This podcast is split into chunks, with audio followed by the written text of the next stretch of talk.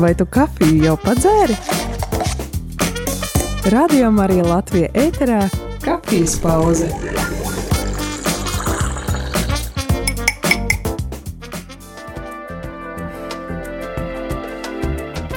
Labdien, labdien, rādījumā arī klausītāji šeit. Es priesteris Jānis un kafijas pauze šajā rītā ar jaunu viesi un man jālasa un jāpiesaka ir oficiālais nosaukums, amata nosaukums, vārds un uzvārds un vispārējais, jo tas iespējams uzreiz arī dos priekšstat par to, par ko te mēs šodien grasāmies runāt. Tātad mans viesis ir Elmārs Pļaviņš, Nacionālo bruņotos spēku vecākais eksperts starptautiskās militāri reliģiskās sadarbības jautājumos. Ir bijis NBS virskapelāns, baptistu mācītājs, vēl joprojām es saprotu baptistu mācītājs, un kā man tika iedot informācija, apmēram 90% laika pavada organizējot palīdzību Ukrainai šajā brīdī. Visu pareizi pateicu, vai vēl kaut kas jāpasaka? jā, labrīt, taisnība, jā. Nosaukums tāds, kad, lai neviens nesaprastu, ko es īsti daru, bet... Tad varbūt tās pašā laikā izskaidrot, jā.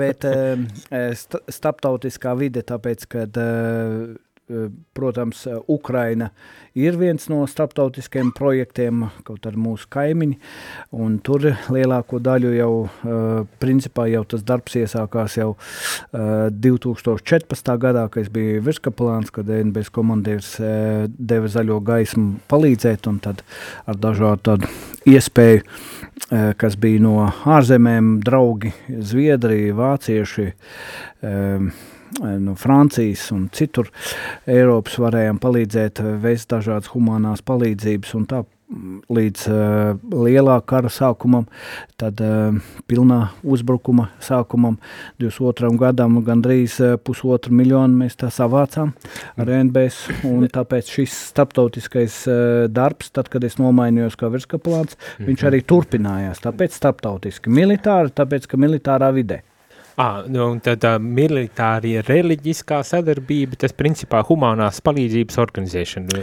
Viens, vai, vai viens, viens, tas, nu, ir? tas ir viens no punktiem, un ne tikai tas ir jau tā, tik, tik un tā sadarbībā ar kaplānu dienestiem, turpinājums palīdzēt kaplānu dienestiem dažādās valstīs, tāpat ar veciem draugiem nesen tikos ar, eh, no Vācijas un citur, bet, bet šobrīd tas mazliet mazāk, kamēr iet karš Ukrainā. Tad šobrīd tā starptautiskā uh, virziens ir eh, pagaidām Ukraina, un, protams, uh, Amerika ir uzrunājusi, lai ar to pieredzi dalos vai cita, bet uh, šobrīd nav iespēja uz turien tā aizbraukt, uh, un arī citas valstis, uh, un ja tā starptautiskā pieredze būs uh, vairāk uh, pēc kara, es ceru, tad, tad mums jau sabiedrotie šeit dažādu valstu sabiedrotie arī strādā, ar viņiem arī kaut kāds darbs eh, jāveic, un arī visai drīz pie viņiem braukšu ar, uz sauszemes spēku brigādi.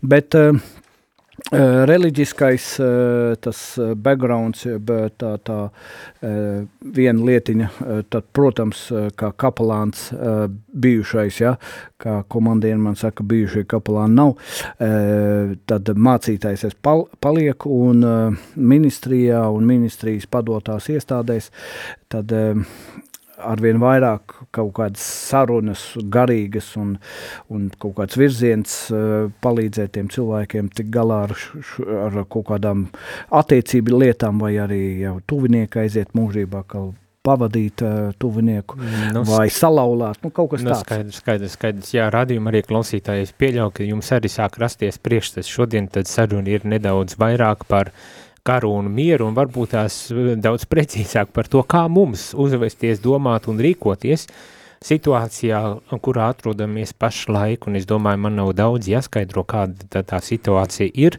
un tomēr šobrīd ir NATO mācības, eh, es pieļauju, saprotu, cik arī uh, tās notiek mūsu reģionā.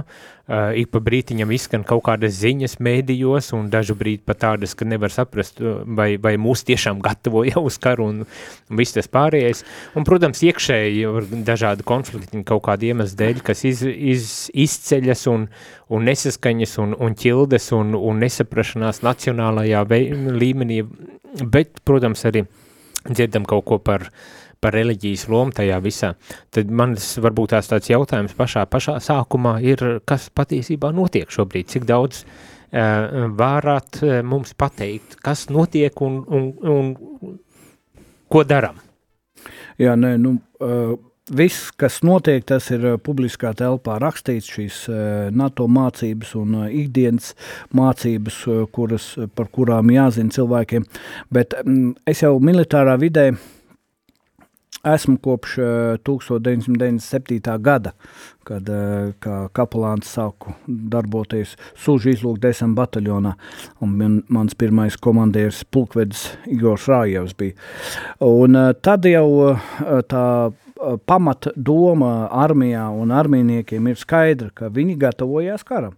Gatavojās karam tāpēc, ka Eh, jo labāk būsi sagatavots, jo ienaidnieks, eh, pretinieks eh, mazāk gribēs iet un uzbrukt tai valstī. Tāpēc šobrīd, kad izskan, kad mums visiem jāgatavojas karam, pirmkārt jau jāņem vērā tā konteksta situācija no šiem vadītājiem Eiropā, kas to saka, poļi, vācieši, citi arvien vairāk par to tā runā.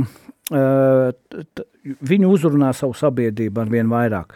Un uzrunā arī tādā politiskā ziņā, kad, kad sa, dot politiķiem un pārējiem tie, kas atbild par daudzām nopietnām situācijām un izdala to naudiņu, tad lai, lai kāds procents būtu atkal vairāk, lai nepieciešamās lietas varētu nopirkt. Un šeit Latvijā mums, protams, eh, tas konteksts un arī žurnālisti, kā to visu pārpublicē un kā to visu paziņo, eh, protams, tur atkal ir eh, jāņem vērā, un tāpēc arī to vēlāk mēs pieskārsimies. Aizsardzības ministrija jau kādu laiku atpakaļ ir izdalījusi 70, jeb izdevusi 72 stundu bukletiņu, Un, uh, tas ir ļoti labs tāds bukletiņš, kurā tu, tu vari redzēt, ko tad uh, tev darīt, kā rīkoties, un arī par uh, to, kā klausīties un ko klausīties attiecībā no informācijas. Tāpēc, kad Šobrīd šajā hibrīda kara uh, laikā, kad notiek šāds karš Ukrainā, tad uh, mums viena no lietām ir šī informācijas uh, nepareiza uh, saklausīšana vai, vai caur caur informatīvo telpu, teiksim, ļoti daudz ir eh, negatīvas un nepareizas lietas, un te nu ir jā, jā, jāpaskatās. Un, un, Skaidrojušam darbam jānotiek arī šajā eh, laukā. Ja? Nu, tev ir jābūt, jāzina, ko tu klausies, kādi ir avoti, no kā tā intervija ir ņemta vai, vai kaut, kād, kaut kādi fakti, kā mums ļoti labi paši esam izgājuši cauri tam Covid laikam divos gados, ja, Tad, principā, pēc tam, kad papētīja, no kurienes nāk daudz avoti par to, ka tu nevari potēties, ko tās potes tev mhm, izdara, uh -huh, bieži vien mhm. bija krie, Krievu, teiksim, uh, ietekme izcelsme. un izcelsme visādos veidos, kaut arī caur, uh, caur uh, dažādiem it kā ļoti labiem profesoriem Eiropā un tā, bet nu, tie jau bija Ļoti labi, savējiem. tad par to mēs arī pēc maza, maza brītiņa ķersimies klāt un runāsim. Tikai jums, rādījumi arī klausītāji, grib atgādināt telefonu numurus, pa kuriem jūs varat arī sazināties ar mums, ja gadījumā ir kādi jautājumi vai interese uzzināt. Uh, nu, cik jau daudz varēs mums atbildēt, bet, ja tomēr ir kāda interese, kādas jautājumas uzdot, tad tos, protams, jūs droši esat aicināti arī darīt. Īziņu telefonu numurs 266 77 272, bet zvaniem studijā telefonu numurs ir 679 691 31. Atgriežamies pēc maza muzikāla eh, brītiņa un turpinam šo sarunu un uzzināsim, kas tad ir šīs 72 stundas, kas ir jādara, nav jādara, informācija un varbūt tās ir kaut ko citu vēl.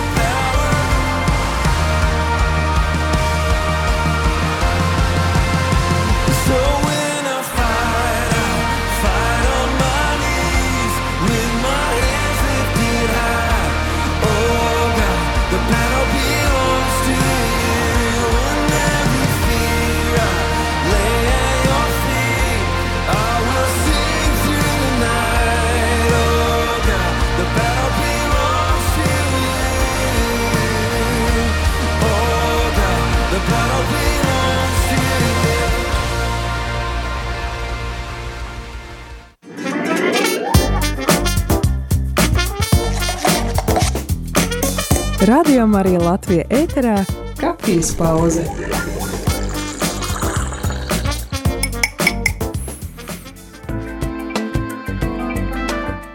Labdien, labdien, rādījumā arī klausītāji šeit es, priesteris Jānis un kafijas pauzē šodien kopā ar mani ir Elmārs Pļaviņš, baptistu mācītājs, bet kas varbūt tās šajā situācijā vēl būtiskāk, šajā sarunā vēl būtiskāk, kad uh, Elmārs Pļaviņš ir arī Nacionālo bruņoto spēku vecākais eksperts starptautiskās militāri reliģiskās sadarbības jautājumos. Es to gribēju nolasīt vēlreiz vienkārši, lai, lai cilvēks sadzirdētu un, un, un, un apzinātos, ar kādu svarīgu viesu mēs šobrīd runājamies, bet uh, turpinot šo sarunu un pievēršoties varbūt tās pavisam īsi e, kaut kādām tēmām gribas pievērsties, protams, arī reliģijas tematikai, vai ne? E, zinām e, to, un ik pa brītiņam parādās reliģijas nu, tematika tieši saistībā ar arī Ukrainas karu.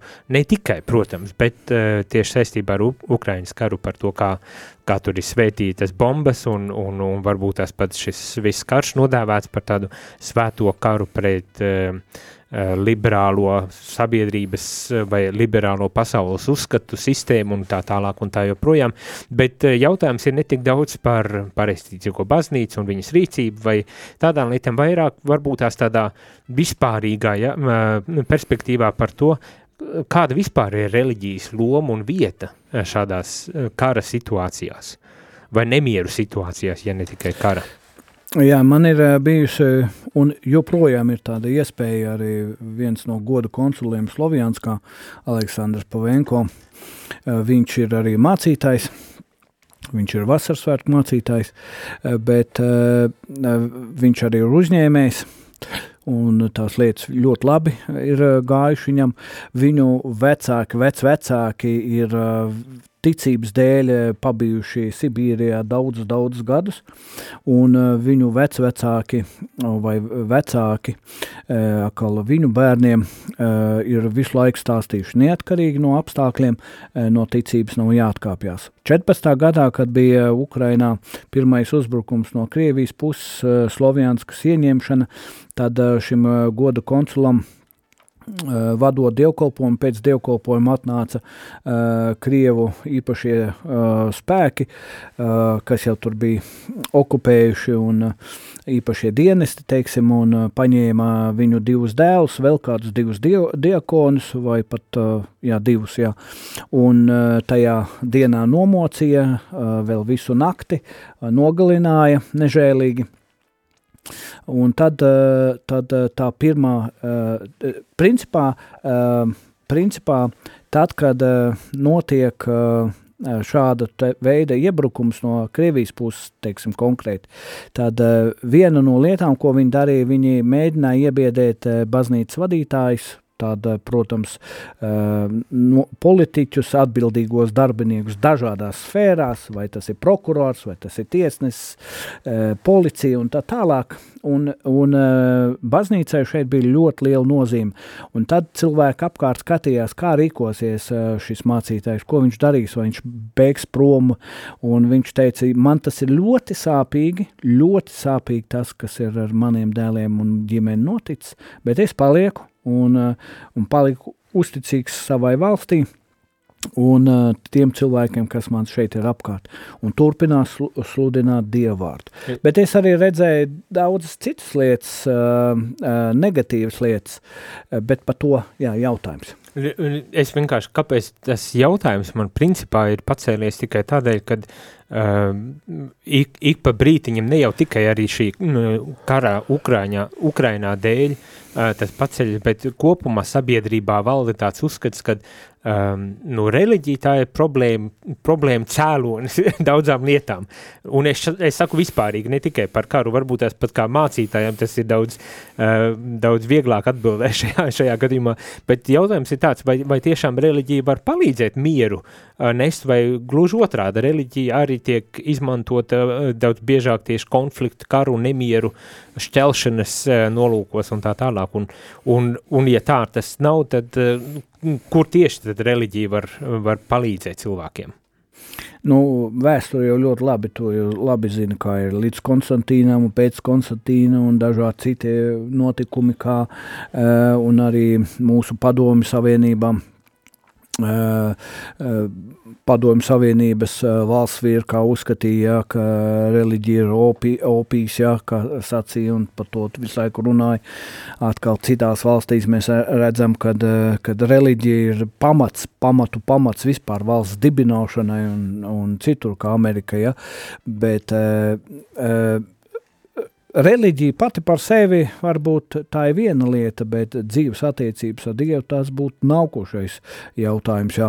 Jo reliģija var, var būt tikai kā tāda ārējā forma, eh, kuras rezultātā cilvēki varbūt eh, tikai tiek virzīti tiešām eh, dēļ savām tradīcijām citām lietām uz vienu vai citu virzienu. Bet ja tev nav pašam personīgas attiecības ar Dievu, caur Jēzus Kristu, nu, tad ir grūtāk. Bet vēl turpinot par to Ukrainas situāciju uh, un vispār par šodienas situāciju arī Krievijā, kad uh, Putins šobrīd nevis, nevis reliģiju uh, nolika malā, bet mēģināja paņemt uh, zem valsts kontrolas, kur arī savu bīstamību līdz ar to ir. Un, un arī nav jau noslēpums, kad uh, patriarhs Kirills kopā ar viņu ir studējis kopā spēcskolās un, un šobrīd ir, ir savu pakāpi un savu noteikšanu. Un līdz ar to tad Maskavas pareisticīgā baznīca šobrīd ir labs ierots, fantastisks ierots uh, Putinam un viņa cilvēkiem, uh, kā uzrunāt savu auditoriju, kā uh, turpināt savu, savu impērijas dažādus gājienus un, un pateikt, ka uh, Krievija ir uh, svarīga un visi tie notikumi ir svarīgi. Un, un šobrīd arī, kad priestarus es paklausos no Maskavas, kā viņi runā. Nu, droši vien var teikt, savādāk jau nevar runāt, arī citu konfesiju droši vien pārstāv. Nevar daudz pretoties tam un runāt, kā teiksim, par armiju, ka viņi nogalina brāļus, tur tad uzreiz viņiem mantu atņems, baznīcu atņems, ieliks cietumā, skaidrs pie tām problēmām. Bet to, ko es Ukrainā redzēju, ka caur vispirms Ukraiņu, tas ir Ukrainā caur pareizticīgām Maskavas baznīcām, gāja spec dažādi armijas spēki, lika ieročus, tur glabāja bukletus speciālos, kā rīkoties, kad Krievu, Krievu armija ienāk vai, vai Krievija ar savām lietām ienāk iekšā, tad kā rīkoties, ko darīt. Nauda pat drukāja, taisīja spe, tajā, tajā mirklī pat naudu un dažādas vēl citas lietas. Tā kā es Tā tikai negatīvi... jāizvērtē, principā, reliģijas pārstāvji un, un mācītāji, vīskapi, priesteri. Nu jā, te ir jāskatās, te, te ir tādas divas lietas eh, tai eh, attiecībā par reliģiju, tad var jau salikt visus vienā maisā un pateikt, viss eh, reliģija mums nav vajadzīga un visus, visus jāiznīcina. Nu jā, tāda, tā neizdarīt? Tāda, tāda, tāda, tāda vēsturēju tādi notikumi arī ir bijuši, ja? Nerona laikā vai, vai, vai kaut kur citur, ja, mhm, kad viss uh -huh. nodedzina pats Romu un pasaka, kristieši vainīgi, viņiem sākās lielās vajā, vajāšanas un tā. Varbūt atkal kaut kāda laika pienāks, bet, bet šobrīd mums ir jāskatās savādāk, kad ticība Ukrainā šobrīd ir kā nekad tādā augstā līmenī attiecībā uz to, ka cilvēkiem šī cerība ļoti vajadzīga.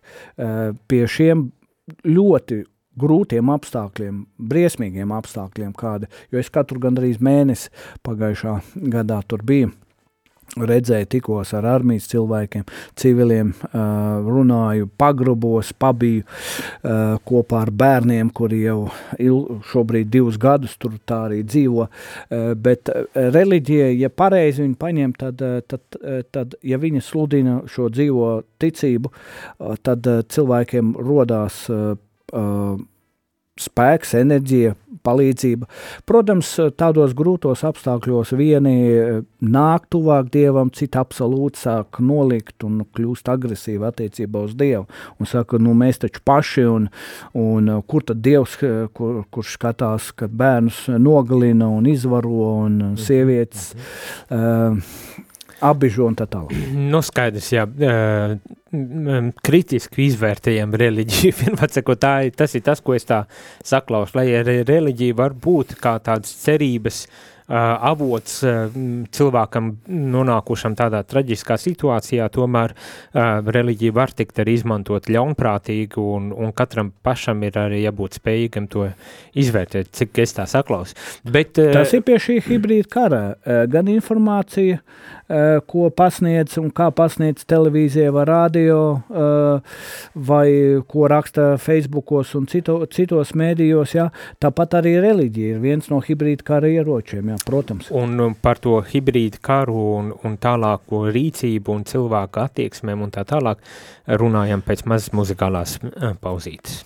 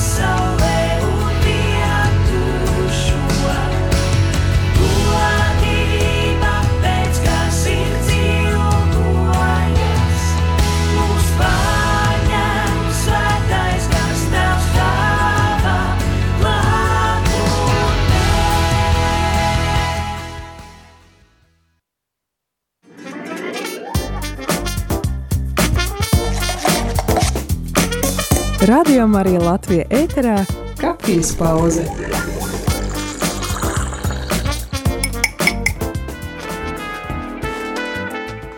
Labdien, labdien, rādījumā arī klausītāji. Šeit es, priesteris Jānis un kafijas pauzē šorīt kopā ar mani ir Nacionālo bruņoto spēku vecākais eksperts, militāri reliģiskās sadarbības jautājumos eh, baptistu mācītājs Elmārs Pļaviņš. Eh, sirsnīgs paldies par to, ka uh, piekritāt atnākt vispār uz šo sarunu, gribas pateikt tā, bet šajā noslēguma sadaļā uh, gribas arī nedaudz parunāties par to, kā rīkoties cilvēkam, kādā, kādai būtu jābūt attieksmē un kā rīkoties cilvēkam šādā vispārējā stresa situācijā un, un nedod Dievs kaut kas vairāk, kad varētu notikt. Nu, jā, kaut par kādas to, pamatlietas varbūt. Tās. Par to pēdējo frāzi uh, gribētos vēlreiz klausītājiem atgādināt, ka gan aizsardzības ministra uh, gan eh, bruņoto spēku komandieru pēdējie izteikumi vēlreiz un vēlreiz eh, apliecina, ka šobrīd mēs varam justies droši kā NATO dalību valsts. Un skaidrs, ka šobrīd visi šie uzsaukumi gatavoties karam, kā es pašā intervijas sākumā minēju, armijas cilvēkiem tas ir pilnīgi saprotams, ka mums ir jāgatavojas karam, lai nebūtu kara. Un tas pats attiecās vairāk par to mēs varam parunāt, eh, kā tad civilais cilvēks uh, var sagatavoties. Pirmkārt, es teiktu tā, uh, jaunie cilvēki vai vecāki droši uh, atrodiet uh, informāciju sūtiet savus bērnus uz jaunsardzi. Uh, jau tie, kas ir 18 gadus sasnieguši, lūdzu iestājieties zemesardzē, un tad skaidrs, kad skatāties, ko jūs varat darīt ar savu profesiju, un es, esiet mīļi gaidīti armijā, ja esat garīgi, psiholoģiski, fiziski sagatavoti un gribat izaicinājumu savā dzīvē, tad uh, armija ir tā vieta. Un turklāt, un, laikam, ne tikai puiši, bet arī meitenes. Arī visi. šobrīd diezgan daudz meitenes arī piesakās, un mm, tas ir ļoti uh, iepriecinoši.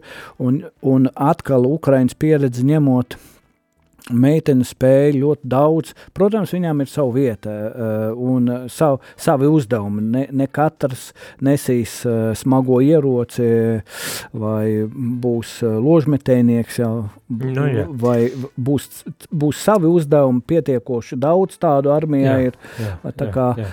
Bet, eh, bet tas ir par militāru personām, par tiem, kuri varētu doties eh, šādā militārā sagatavotībā un, un zemesardze un tā tālāk. Tiem, kuri ne, neies, nedosies vecā, vecuma slimībai kādu citu iemeslu dēļ, šeit man ir atnests maziņš bukletiņš ar eh, nosauk, nosaukumu, kā rīkoties krīzes gadījumā. Tagad YouTube, kas skatās, var redzēt arī pašu bukletiņu, kas, saprot, ir daudz kur pieejams, un tu ir ļoti sīkumaini, man vismaz tāds priekšstats ir radies ļoti sīkumaini, sīkumaini par visdažādākajām tēmām. Dezinformācijas riski, kā rīkoties krīzes situācijā, atpazīt savus uh, palīdzības dienas, jeb uh, tās um, savas um, armijas um, locekļus un visādas citādas. Nu, daudz kas, daudz kas šeit ir. Visu, protams, šajā reizē mēs nevarēsim izskatīt, bet man šķiet tas būtiskākais, ko vismaz es tā personīgi šai brīdī, ir kā rīkoties krīzes situācijā, un, protams, ar par dezinformāciju varbūt tās varētu pavisam īsi ieskicēt um, tās pamatlietas.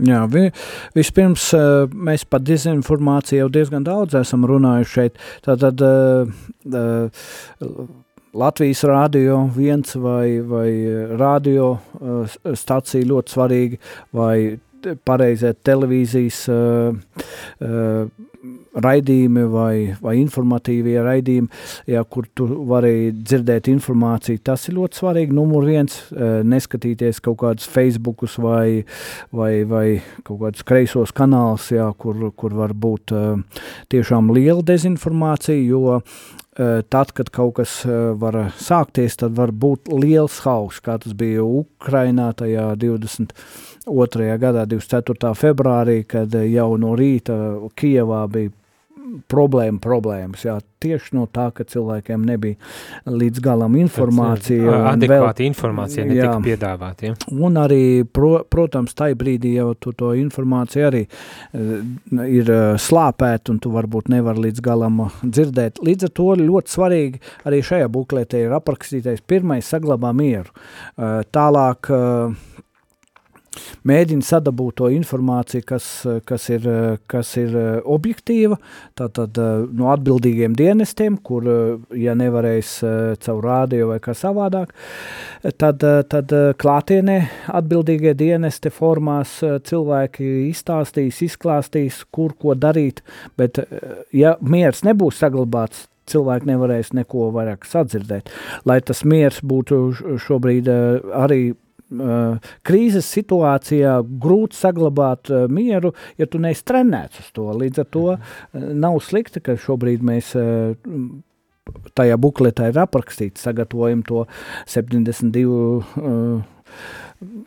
stundu somiņu un vēl citas lietas, tur papildus ūdeni vai, vai benzīna kannu vienmēr mums ir, teiksim, pagrabā vai garāžā nolikta vai vēl kādas lietas. Tā kā, Tālāk domājot par to krīzes uh, situācijā, noskaidrot, vai kaimiņiem un cilvēkiem blakus nav uh, vajadzīga atkal nepieciešama palīdzība, kas ir ļoti aktuāli, jā, un uh, iesaistīties kā brīvprātīgais, bet šeit, šajā, uh, kā rīkoties krīzes situācija, 72 stunda, arī uh, mēs varam uh, internetā viņu atrast, uh, sarks.lv. Eh, tā kā nav tikai tādā uh, Papīra redzamā formātā, papīra formātā bet, bet, jā. bet es arī tā klausos, principā tās lietas nav kaut kas tāds unikāli jauns un neparasts, tās ir vispār cilvēciskas attieksmes,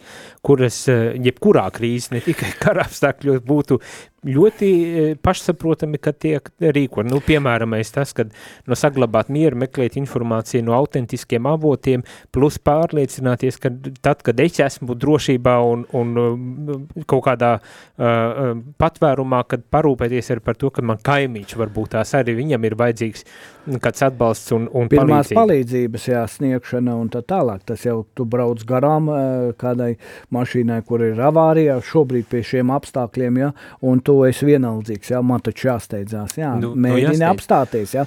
Es jau tā palīdzēt. domāju tikai pie sevis, kad nu, nonāk līdz tai krīze, pat dažbrīd nevajag to krīzi, un, un, un tad mums iestājas kaut kāds tāds režīms, eh, nu, man galvenais izdzīvot pašam, un vispārējais, kas te notiek apkārt, man neinteresē. Tā nemaz. būs pirmā reakcija. Arī no Ukrainas 15. gadā es ar daudziem sāku runāt tieši un uzdevu un intervēju šos cilvēkus, kā viņi šobrīd jūtās. Viņi teica, pirmā reakcija tieši tāda. Uzreiz par sevi Un pēc tam viņi domā, nē, bet taču blakus. Un tad gan nabagi, gan bagāti viņi sāka vienoties kopējā, uh, kopējā cīņā pret ienaidnieku, tas viens, un kopējā palīdzībā viens par otru, un sāk ielaist savās bagātās mājās uh, bagātie cilvēki, uh, jebkur, kam vajadzēja palīdzību, paēdināja, bija tie līdzekļi. Un, un, Vai tas notika tā kā pašsaprotami un automātiski no cilvēka, nu pirmā reakcija pārgāja, un tad es sāku palīdzēt, vai tur tur vajag tomēr kaut kā arī eh, kaut kādai, eh, nezinu, izglītojošajai sadaļai būt vai, vai prasībām ar likumiem pieprasīt tādu atbalstu, vai kā tas notiek Ukrainā un, un kā tas notiek principā? Dažiem, dažiem, protams, tikai ar likumu vajag, jo viņi tā cilvēki pārēdušies pierādziņus uh, un apspeķojušies, ka tur nav, nav uh, cita iemesla, bet citi caur apstākļiem grūtiem, par ko es te stāstīju,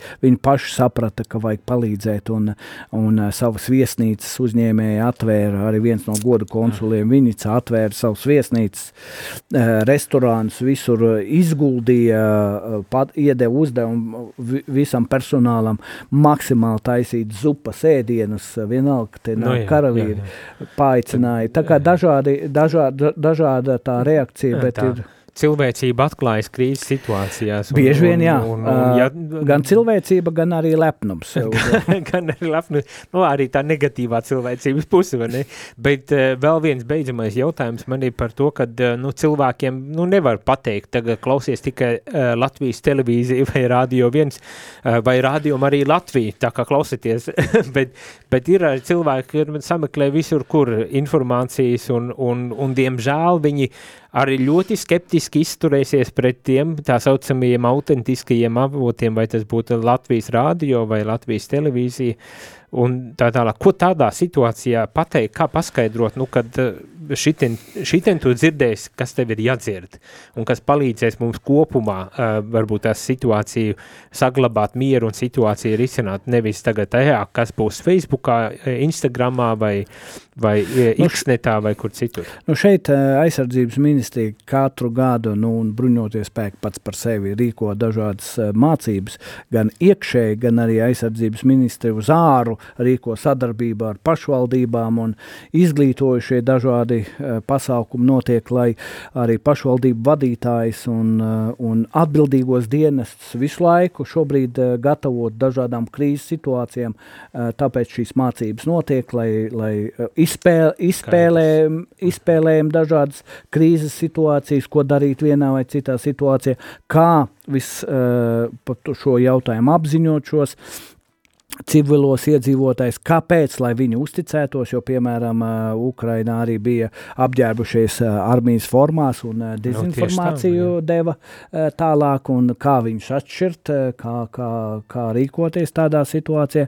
Nu, te būs daudzi dažādi jautājumi, bet šobrīd paliksim pie tā, ka jāsaglabā mieru, jāizlasa bukletiņš mierīgi, kaut kas ir jāsagatavo, ja ir pēc iespējas kāda šī soma, un nav svarīgi ciklēties uz somu, tu vari parastu maisu, tajā salikt visu nepieciešamo, Jā. jo mhm. tiešām tādā krīzes situācijā ka tev tulītās kaut kas jādara, un tu un ne katrs krīzes situācijā ir tad, uh, spējīgs uh, savaldīt sevi, savas emocijas, tad, uh, un uh, arī spēj normāli domāt.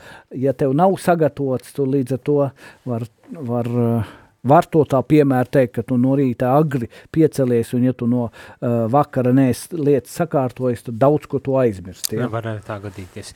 Sirsnīgs paldies, es teikšu šajā rītā par uh, to, kad uh, mūs, mūs varēja apciemot un nedaudz arī pastāstīt un parunāties, varbūt tās tikai tādā, uh, nu kā teikt, uh, sākotnējā formātā, bet tomēr pastāstīt par, par šīm ārkārtas situācijām un ko un kādā veidā reaģēt. Eh, tātad eh, pie mums viesājās eh, Baptistu mācītājs Nacionālo bruņoto spēku vecākai, vecākais eksperts starptautiskās militāra reliģiskās sadarbības jautājumos Elmārs Pļaviņš, kurš tad arī pastāstīja visu to, kas mums jāzina, kas vēl būtās vēl vairāk ir mm, jāuzina šajā gadījumā. Paldies!